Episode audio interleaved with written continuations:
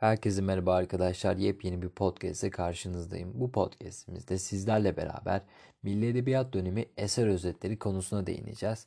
E, biliyorsunuz ki bir önceki podcastlerimizde Tanzimat dönemi ve Servet-i Fünun döneminin eser özetlerinden bahsetmiştik.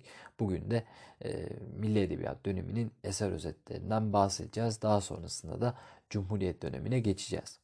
E, şimdi podcast'e başlamadan önce biz neyi biliyorduk arkadaşlar Milli Edebiyat dönemiyle ilgili? biraz bunlardan bahsedelim. E, biliyorsunuz ki ilk başlarda tanzimat dönemimiz vardı bizim ve bu dönemde dilde sadeleşmeye gidilmek istenmişti. Fakat bu başarılamamıştı. Daha sonrasında istibdat dönemiyle birlikte Servet-i Fünuncular dağıldı ve yerine 1896 e, yılında Servet-i Fünun dergisiyle birlikte Servet-i Fünun edebiyatı başlamış oldu. Bu edebiyatçılar edebiyatımızdaki en teknik açıdan kusursuz romanları yazdılar. Özellikle Halit Ziya Uşaklıgil gibi isimler ya da Mehmet Rauf gibi isimler bunlar çok kaliteli romanlar yazdılar. Fakat tek bir kusurları vardı. Bu kusurları da çok ağır bir şekilde dil kullandılar arkadaşlar. Bu dil o kadar ağırdı ki e, Halit Ziya Uşaklıgil yıllar sonra Mavi ve Siyah adlı romanını 5 kez sadeleştirdi. Fakat yine de kimse anlamadı. Böyle bu şekilde yani çok ağır bir şekilde dil kullandılar. E, bu noktada halk anlamadığı için haliyle sanat için sanat yaptılar arkadaşlar. Daha sonrasında fecraati dönem dönemi geldi ve bu dönem çok kısa sürdü. 3 yıl kadar sürdü. 1909'da başladı ve 1911'de e, bitti. Bu şekilde 2 yıl oluyor. Çok özür dilerim. 1908 yılında başladı ve 1911 yılında bitti arkadaşlar. 1911 yılında ne oldu?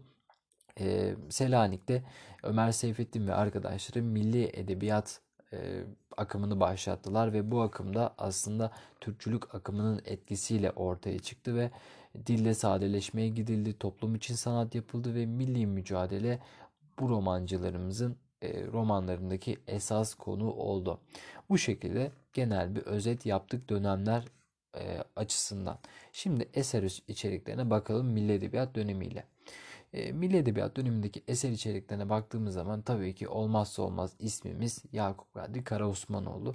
Yakup Kadri Karaosmanoğlu'nun romanlarından ilki arkadaşlar Yaban. Yaban'dan bahsetmezsek olmaz zaten.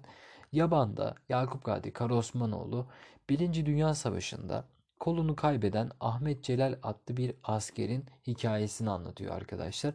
Buradaki Ahmet Celal karakterine çok ama çok dikkat etmelisiniz. Çünkü Ahmet Celal karakteri e, direkt olarak hani soruyu doğru yaptıracaktır. Hani romanın özetini bilmeseniz de olur ama Ahmet Celal'i mutlaka bilin. Buradaki Ahmet Celal'i sakın ha e, Halit Ziya Uşaklıgil'in Mavi ve Siyah adlı romanındaki Ahmet Cemil ile karıştırmayın arkadaşlar. Ya da Hüküm Gecesi'ndeki Ahmet Kerim'le karıştırmayın. Yabanda Ahmet Celal vardır. Yani bunu nasıl aklınızda tutabilirsiniz? Yaban romanı neyi anlatır? Milli mücadeleyi anlatır. Bizim İstiklal Marşımızda ne geçer? Celal kelimesi çok geçerli. Ne bu şiddet ne, ne bu şiddet bu celal der hatta. İşte buradan çağrışım yaparaktan Ahmet Celal karakterinin bir asker olduğunu ve aynı zamanda Yaban romanına ait olduğunu bilmelisiniz arkadaşlar. Bu şekilde yaban romanını özetlemiş olduk. Bir sonraki romanımız Hüküm Gecesi. Hüküm Gecesi'nde arkadaşlar Yakup Kadri Karaosmanoğlu ikinci meşrutiyet ve sonrası parti çekişmeleri ekseninde bir konuya değiniyor e, Hüküm Gecesi romanında Yakup Kadri Karaosmanoğlu. Buradaki karakterlerimiz Ahmet Kerim ve Samiye karakterlerimizdir arkadaşlar. Tekrar ediyorum. İkinci meşrutiyet ve sonrasındaki parti çekişmelerini konu ediniyor Hüküm Gecesi romanında Yakup Kadri Karaosmanoğlu. Bir sonraki romanımız e, yine Yakup Kadri Karaosmanoğlu'nun önemli romanlarından biridir. Sodom ve Gomorre. Sodom ve Gomorra arkadaşlar ne demek ben size söyleyeyim. Biliyorsunuz ki Lut kavmi diye bir şey vardı. Bu Lut kavmi işte Allah tarafından helak edilmişti. İşte üzerlerine taş yağdırılmıştı ve taşlaşmış insanlar vardı. E, bu Lut kavminin yaşadığı şehir Sodom ve Gomorra'ydı. Yani bu iki şehir arkadaşlar helak edilen şehir. Neden helak edilmişlerdi? Çünkü ahlaksal açıdan sapıtmışlardı. İşte çok böyle insanlar e, hiçbir şekilde hiç kimseye inanmıyor putlara tapı, e, tapıyorlar işte kız çocukları bizim bildiğimiz işte o cahiliye döneminin izleri görülüyor bu e, şehirlerde ve bu yoldan çıkaraktan ahlaksal açıdan çöküntü olduğu için e, Allah tarafından helak edilen iki şehirdir arkadaşlar. Bu romanın ismi de bu iki şehirden geliyor ve Yakup Kadri Karaosmanoğlu bu romanda e, mütakere dönemindeki İstanbul'un e, yozlaşmasını anlatıyor arkadaşlar. Yozlaşmış İstanbul'u anlatılıyor. E, yobaz insanları anlatıyor. Yani ahlak kelimesini gördüğünüz zaman mutlaka ama mutlaka Sodom ve Gomorre romanını işaretlemelisiniz. Onun dışında bu romanın karakterleri Sami Bey, Leyla ve Necdet adlı karakterlerdir. Bunları sakın unutmayın. Bir sonraki romanımız yine Yakup Kadri Karaosmanoğlu'nun önemli romanlarından biri olan Kiralık Konak romanı arkadaşlar. Bu romanda Yakup Kadri Karaosmanoğlu e, bir konakta dönen nesiller arası çatışma konusunu ele alıyor. Buradaki e, anahtar kelime kesinlikle ama kesinlikle Naim Efendi karakteri arkadaşlar. Naim Efendi'yi gördüğünüz zaman kiralık konak e, romanını işaretlemelisiniz. Bunun, bundan başka hiçbir şeyi işaretlemenize gerek yok. Zaten nesil çatışmasını gördüğünüz zaman da yine kira, e, kiralık konak romanını işaretleyebilirsiniz. Bir sonraki romanımız yine Yakup Kadri'nin yozlaşmayı anlattığı bir romandır arkadaşlar. Nur Baba romanından bahsediyorum. Nur Baba romanında Yakup Kadri Karaosmanoğlu Osmanlı'nın çöküş dönemindeki Bektaşi tarikatlarındaki ya da tekkelerindeki e, yozlaşmayı anlatır arkadaşlar. Burada Nur, Baba adlı bir karakter vardır ve bu Nur Baba işte tekkesine gelen kadınlara işte çeşitli tacizlerde bulunur. Bunları anlatıyor arkadaşlar. Nur Baba adlı roman e, Yakup Kadri Karaosmanoğlu. Bir sonraki romanımız yine Yakup Kadri Karaosmanoğlu'nun romanı Hep O Şarkı. Hep O Şarkıda Yakup Kadri Karaosmanoğlu Sultan Abdülmecid'in tahta çıkışının 10. yıl dönümünde doğan Münire Hanım'ın hikayesini anlatıyor arkadaşlar. Buradaki esas anahtar kelime Sultan Abdülmecid'in e, tahta çıkışının 10. yıl dönümü arkadaşlar. Bu cümleyi gördüğünüz anda direkt olarak hep o şarkı romanını işaretleyebilirsiniz. Bu şekilde Yakup Kadri Karaosmanoğlu'nun oğlunun bilmemiz gereken romanlarını elimden geldiğince özetledim arkadaşlar.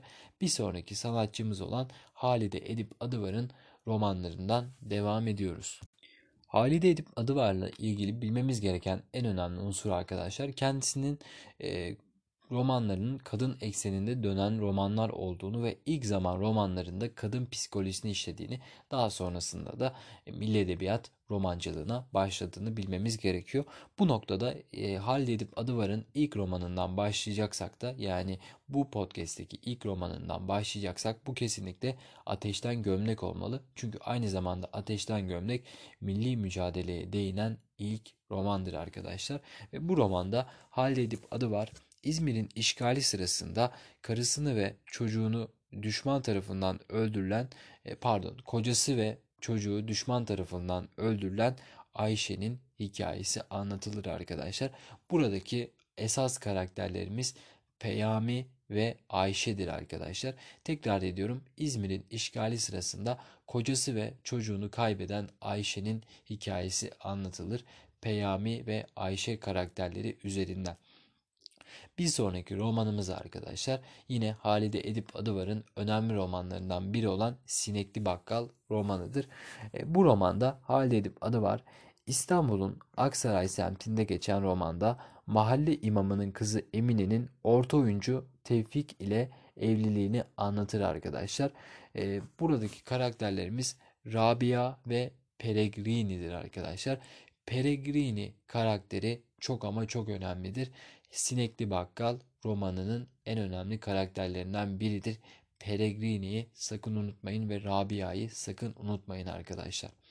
Bir sonraki romanımız yine Halide Edip Adıvar'ın önemli romanlarından biri olan Handan arkadaşlar. Handan romanında 20. yüzyıl başında İstanbul'da yaşayan bir ailenin çok değerli, akıllı kızının e, çileli hayatı ve çevresindeki insanların mektuplaşmaları anlatılır. Buradaki karakterlerimiz Handan, Neriman ve Hüsnü Paşa'dır arkadaşlar. Bunları sakın unutmayalım. Handan, Neriman ve Hüsnü Paşa Handan romanının ana karakterleridir. Bir sonraki romanımız e, ve Halide Edip Adıvar'ın bu podcast'teki son romanı Vurun KP romanı arkadaşlar. Bu romanda Halide Edip adı var. E, güzel ve idealist bir öğretmen olan Aliye'nin hikayesi anlatılır. Aliye karakteri çok önemlidir. Vurun Kahpeye, Kahpeye romanında arkadaşlar. Aliye, Aliye karakterini sakın unutmayın. Kusura bakmayın arada böyle sesim gidiyor. Yani nefesim kesiliyor. E, o yüzden e, podcast'i kesemiyorum. Çünkü kesersem baştan anlatmak zorunda kalacağım. O yüzden e, heyecanımı ya da bu kesilmeleri maruz görün arkadaşlar. E, biz podcast'imize geçelim. Daha doğrusu devam edelim. Romanlarından devam edeceğimiz kişi arkadaşlar Reşat Nuri Güntekin yine Milli Edebiyat döneminin e, ve hatta Cumhuriyet döneminin birazının en önemli isimlerinden biridir Reşat Nuri Güntekin. Ben Milli Edebiyat döneminde anlatmaya karar verdim. Çünkü Reşat Nuri Güntekin romanlarının çoğunu Milli Edebiyat döneminde yazmıştır. E, zaten 1955 yılında da hayatını kaybediyor yanlış bilmiyorsam. O noktada biz Reşat Nuri Güntekin'e Milli Edebiyat romancısı diyoruz. E, bu noktada Reşat Nuri Güntekin de milli edebiyat açısından çok ama çok önemli romanlar yazmıştır. E, bu romanlardan ilk olan yani bu podcast'teki ilk roman olan herkesin bildiği adını bir kere duyduğu Çalı Kuşu romanıdır arkadaşlar. Bu romanda e, Reşat Nuri Güntekin İstanbullu Feride'nin gönüllü olarak Anadolu'ya öğretmen olarak gitmesiyle orada yaşadığı e, hikayeleri anlatır, olayları anlatır arkadaşlar. Bu roman öyle bir romandır ki arkadaşlar o dönem bu romanı okuyan pek çok e, kadın Feride'den etkilenerek Anadolu'ya öğretmen olarak gidiyor. Bu açıdan Reşat Nuri Güntekin'in toplumu etkileyen çok önemli romanlarından biridir Çalıkuşu romanı. Bir sonraki romanımız yine Reşat Nuri Güntekin'in önemli romanlarından biri olan Acımak romanı arkadaşlar. Acımak romanında e, küçük yaşta gördüğü kötü muamelelerden dolayı acıma duygusunu kaybetmiş olan Zehra isimli öğretmenin hikayesi anlatılır arkadaşlar. Buradaki ana karakterlerimiz Tevfik ve Mürşit Efendidir arkadaşlar. Bunu sakın unutmayın. Tekrar ediyorum. E, buradaki ana karakterlerimiz Tevfik ve Mürşit Efendi'dir arkadaşlar. Acımak romanının ana karakterleri. Bir sonraki romanımız yine Reşat Nuri Güntekin'in önemli romanlarından biri olan Yeşil Gece romanı arkadaşlar. Yeşil Gece romanında Reşat Nuri Güntekin Ege bölgesinde gerici ve çıkarcı güçlerle savaşan idealist bir gencin hikayesi anlatılır. anlatılır. Buradaki idealist, idealist genç arkadaşlar Şahin Efendi'dir. Şahin Efendi karakterini gördüğünüz zaman Yeşil Gece romanı aklınıza gelsin. Bir sonraki romanımız yine Reşat Nuri Güntekin'in ülkemizdeki en çok bilinen romanlarından biridir. Dizisi yapıldı arkadaşlar. Yaprak Dökümü romanı. Hepimiz biliyoruz Yaprak Dökümü'nü. Tıpkı Aşkı Memnu gibi.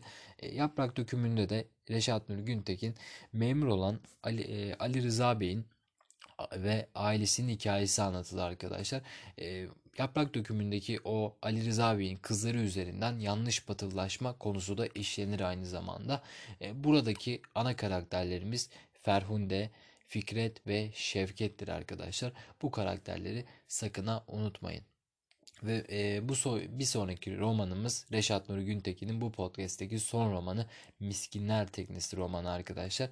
E, bu romanda e, Reşat Nuri Güntekin saygın bir ailenin son torununun dilenciliğe düşmesini ya da meslek edilmesini anlatır arkadaşlar.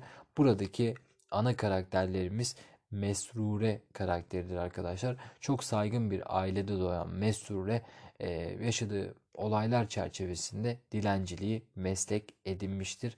Miskinler Teknesi romanında. Bir sonraki romanımızda yepyeni bir sanatçının romanlarına başlıyoruz.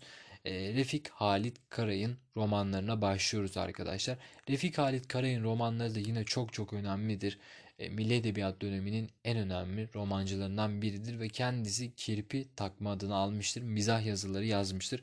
Bu noktada biz de Refik Halit Karay'ın romanlarını bilmezsek, bilmezsek olmaz. E, ilk olarak başlayacağım roman Bugünün Saraylısı adlı romandır arkadaşlar. Bugünün Saraylısı adlı romanda Refik Halit Karay küçük e, küçük bir şehirden gelen Ayşe'nin İstanbul'a gelişiyle geçirdiği dönüşüm anlatılır. E, Bugünün Saraylısı adlı romanda. Buradaki ana karakterlerimiz Ayşen ve Ata Efendi karakterleridir arkadaşlar. E, bu noktada bu romanı bu şekilde bilebilirsiniz. Ayşen ve Ata karakterleri üzerinden Bugünün Saraylası romanını bilebilirsiniz. Bir sonraki romanımız Refik Halit Karay'ın yine önemli romanlarından biri olan Sürgün romanıdır arkadaşlar. Sürgün romanında e, Refik Halit Karay karısı ve karısı karısını ve genç yaştaki kızını geride bırakarak Beyrut'a sürgüne gönderilen Hilmi Efendi'nin hayat hikayesi anlatılır. Buradaki ana karakterimiz Hilmi Efendi karakteridir arkadaşlar. Bu şekilde Refik Halit Karay'ın da bilmemiz gereken önemli eserlerini anlatmış olduk ve bu podcast'teki son romana geçiyorum arkadaşlar. Yine çok önemli romanlardan biridir. Soruları da çok kez geliyor. E, son romancımız Ahmet Hikmet Müftüoğlu. Bilmemiz gereken tek bir romanı vardır. O da Gönül Hanım romanıdır. Gönül Hanım romanında Ahmet Hikmet Müftüoğlu e, Macar, Tatar ve bir Türk'ten oluşan grubun kökenlerini araştırmak için Orhun abidelerine yaptığı gezi anlatılır arkadaşlar. Bu e, romandan bilmemiz gereken tek ama tek şey budur arkadaşlar.